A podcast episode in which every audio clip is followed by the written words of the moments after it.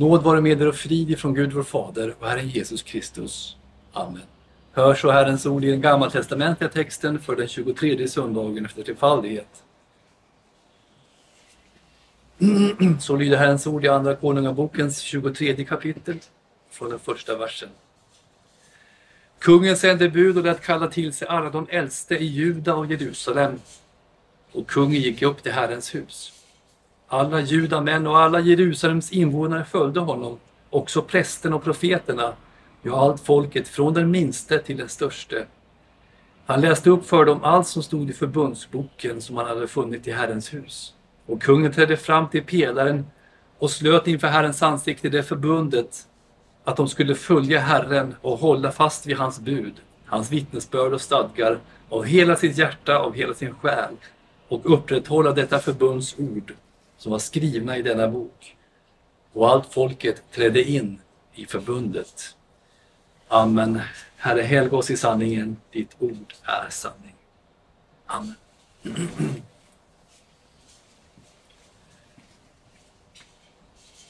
Sån far, sån son, brukar man säga. Tiderna förändras, men inte vi, brukar andra säga. Och det låter ju väldigt deprimerande.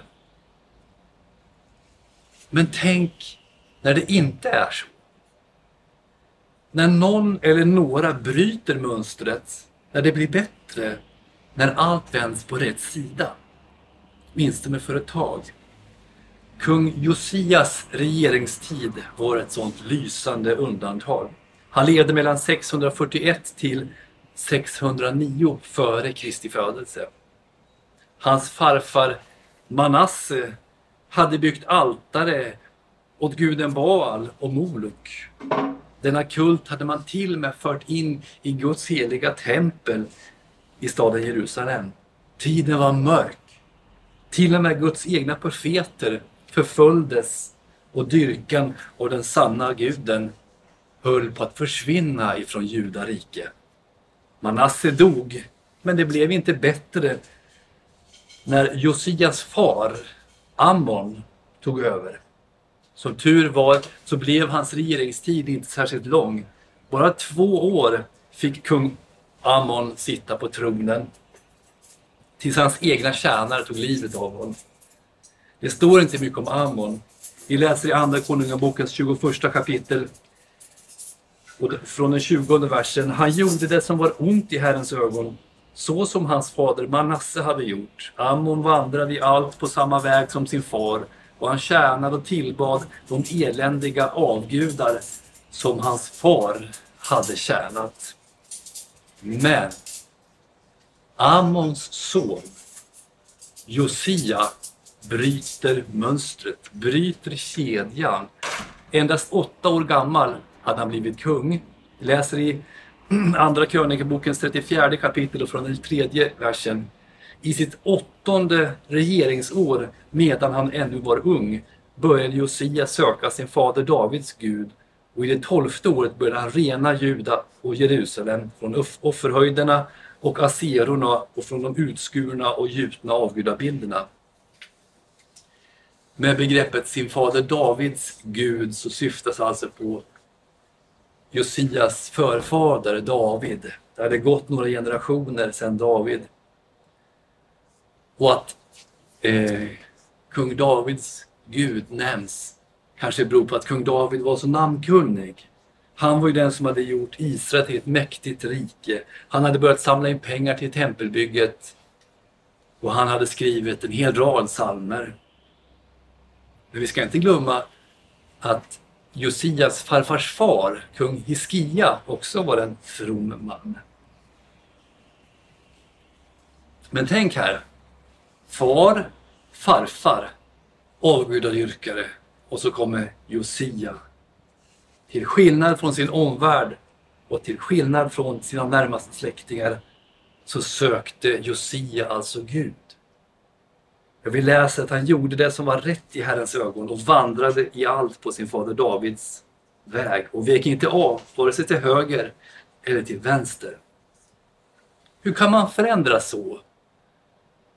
med en sån bakgrund? Ja, kanske det berodde på hans mamma då. Adaja.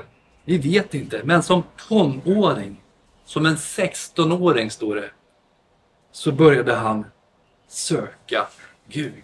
Alltså i sitt åttonde regeringsår. Han var bara åtta år när han blev kung. 16-åring. Han började vända sig till den enda sanna guden och dyrka honom. Vi är så vana att förknippa tonår och ungdom med dekadens och förfall och slöhet och olydnad. Men det kan vara precis tvärtom. Josia sökte som tonåring Gud och när han var 20 år så förklarade han krig mot förfallet och omoralen i Israel. Han slog näven i bordet kan man säga och började rensa ut avgudadyrkan i Israel, eller Juda.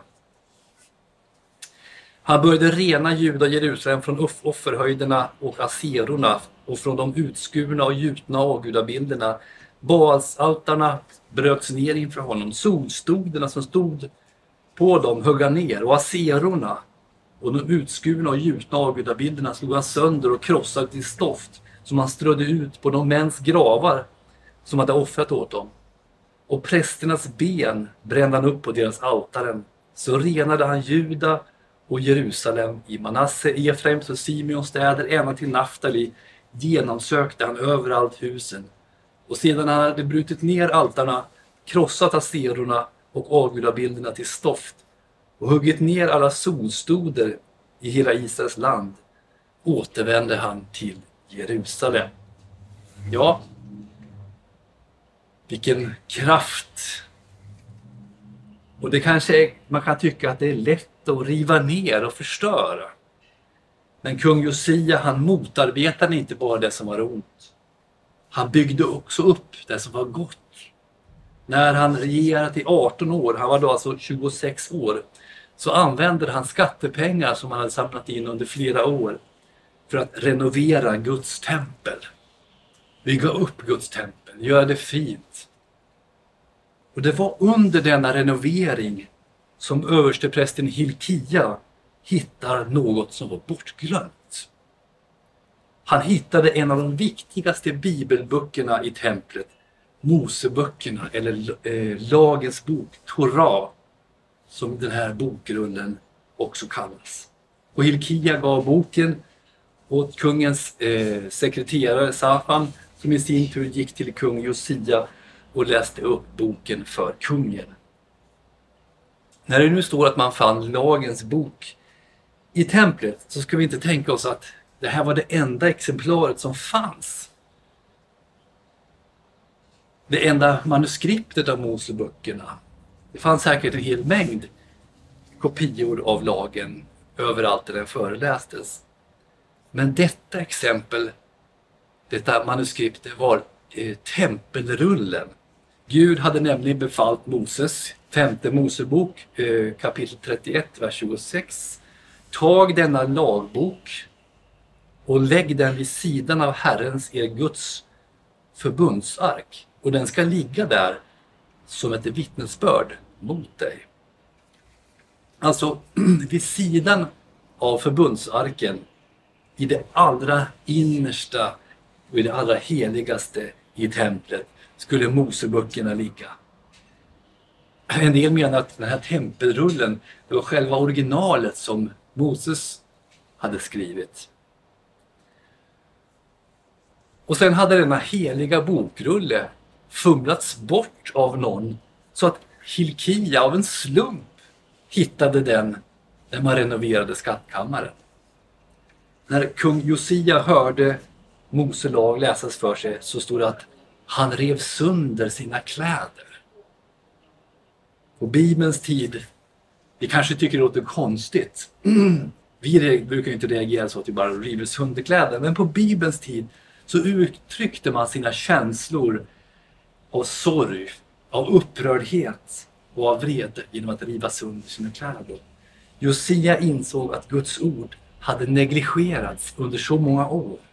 Han var en man som älskade Gud Och nu insåg, man, insåg han att man hade försummat denna underbara undervisning i Guds ord i templet. Kung Josia säger till prästen Hilkia och några andra, gå och fråga Herren för mig och för folket, ja för hela Juda, om det som står i denna bok som man nu har funnit. Herrens vrede är stor och den är upptänd mot oss därför att våra fäder inte har lyssnat till vad som står i denna bok och inte har gjort allt som är föreskrivet oss. När man skulle, så han eh, befallde alltså gå och fråga Gud.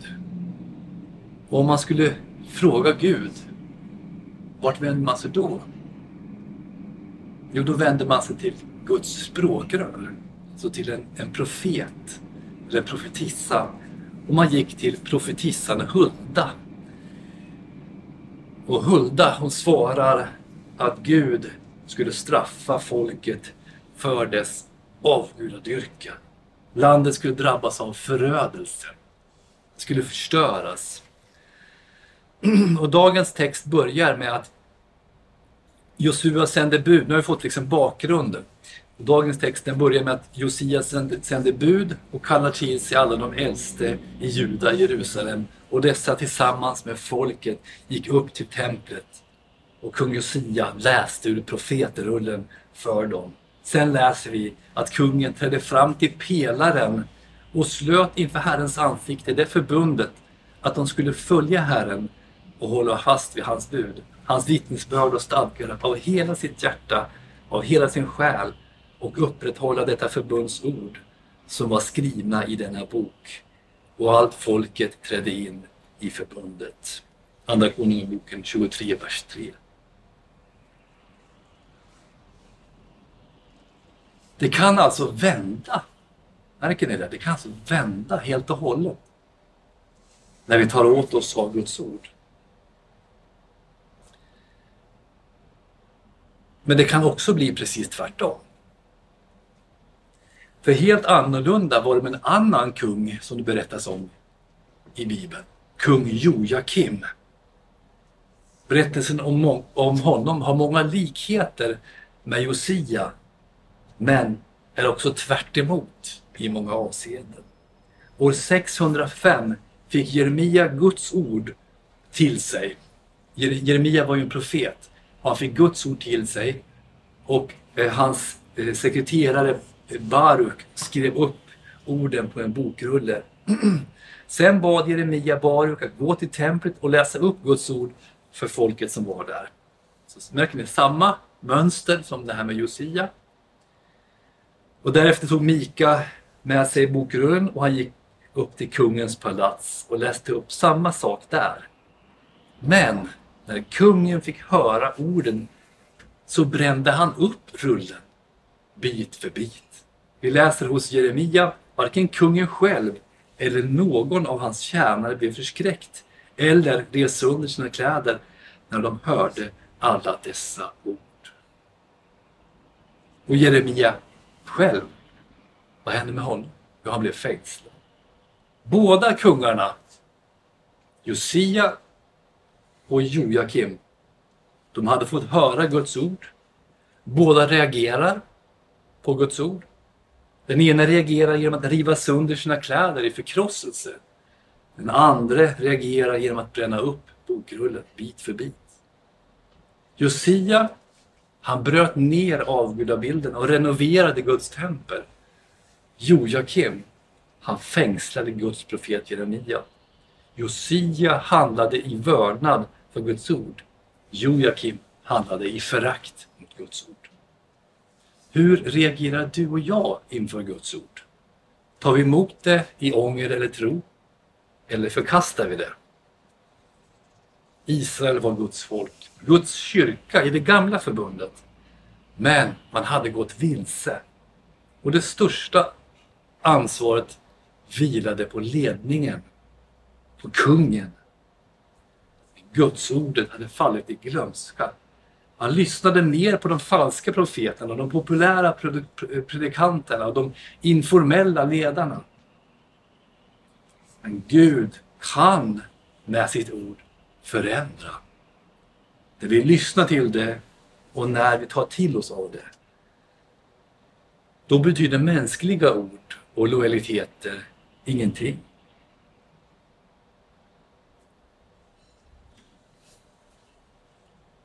Guds ord förändrar.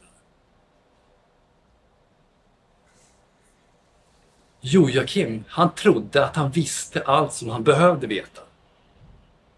Och därför betyder Guds ord inte mycket för honom. Och vi närmar oss Guds ord med den inställningen att vi redan vet allting. Då kommer vi inte att lära oss någonting.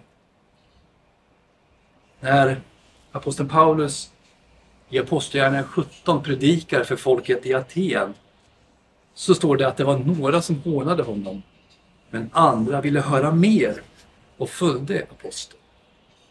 Ändå var det samma Guds ord som båda dessa grupper fick höra.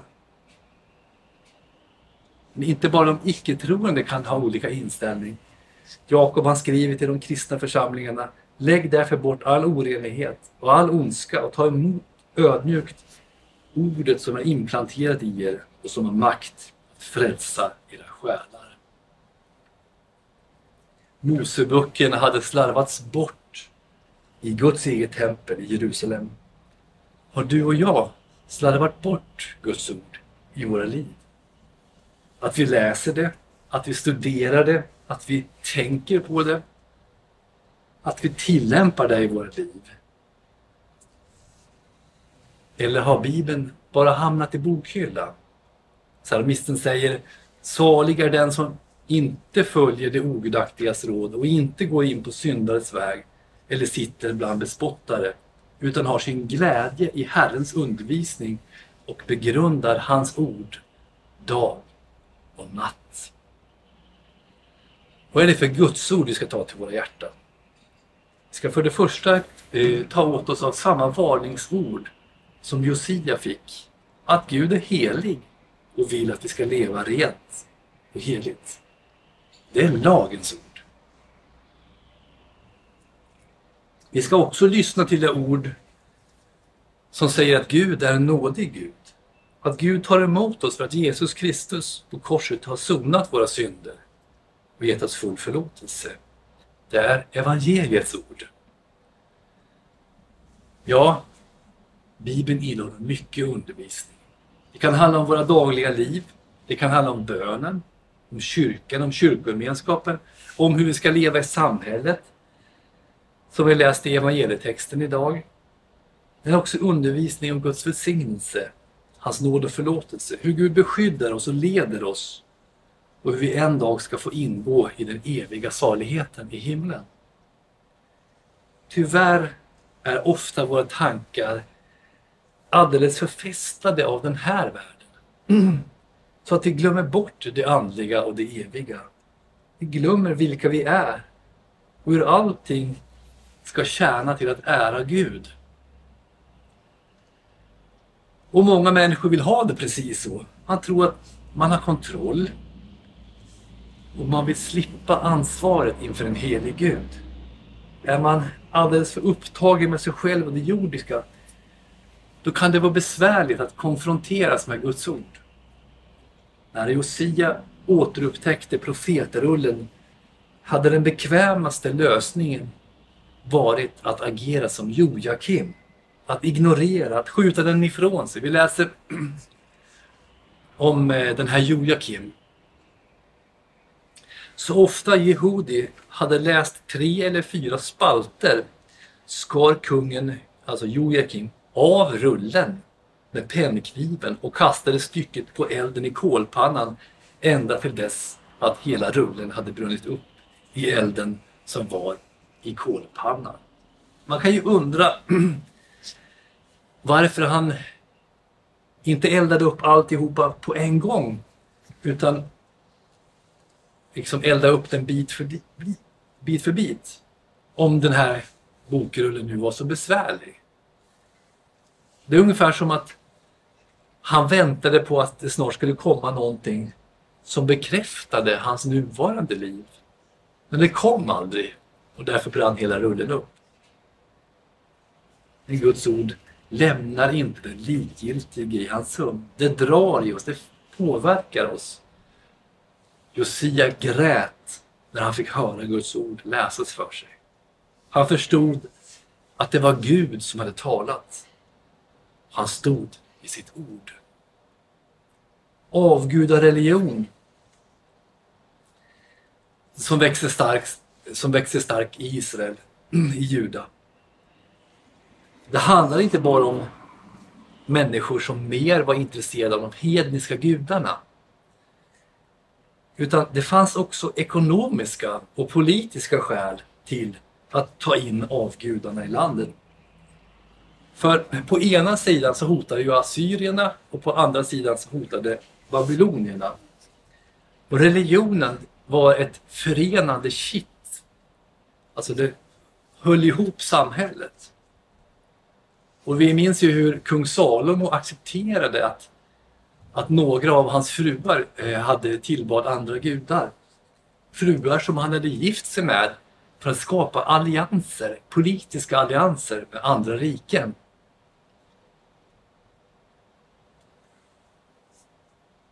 En del menar att det är bättre att samarbeta. Det är bättre att kompromissa än att hålla fast vid allt Guds ord. Men varken ekonomi eller politik får gå före Guds ords rena och klara lära.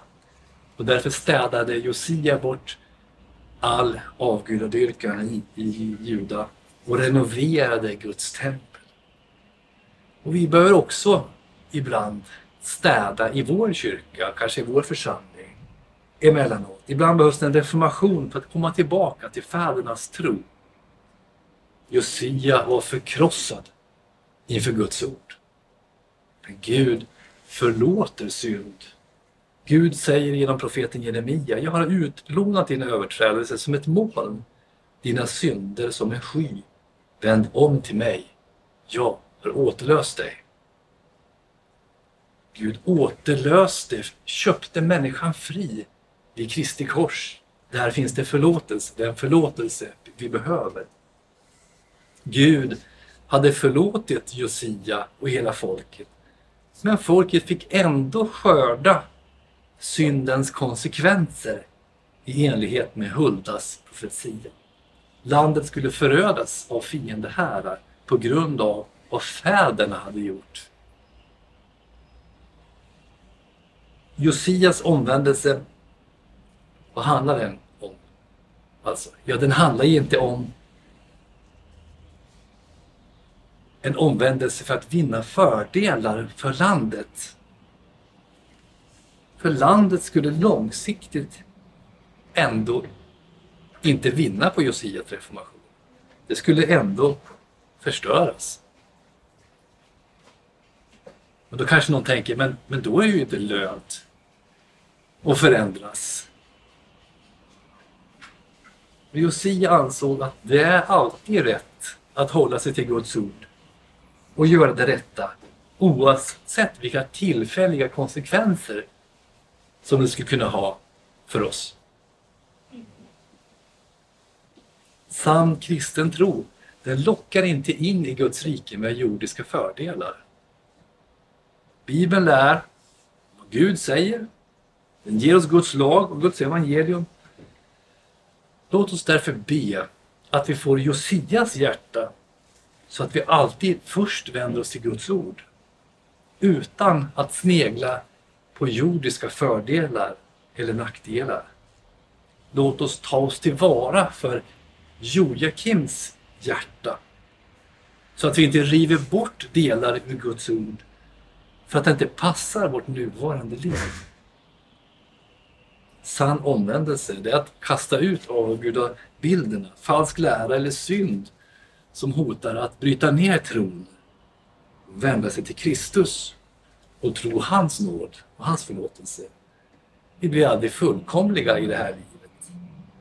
Men vi får var dag vända oss till Gud i ånger och tro. Gud är en nådig Gud för Kristi skull som tar emot oss och förlåter oss. Amen.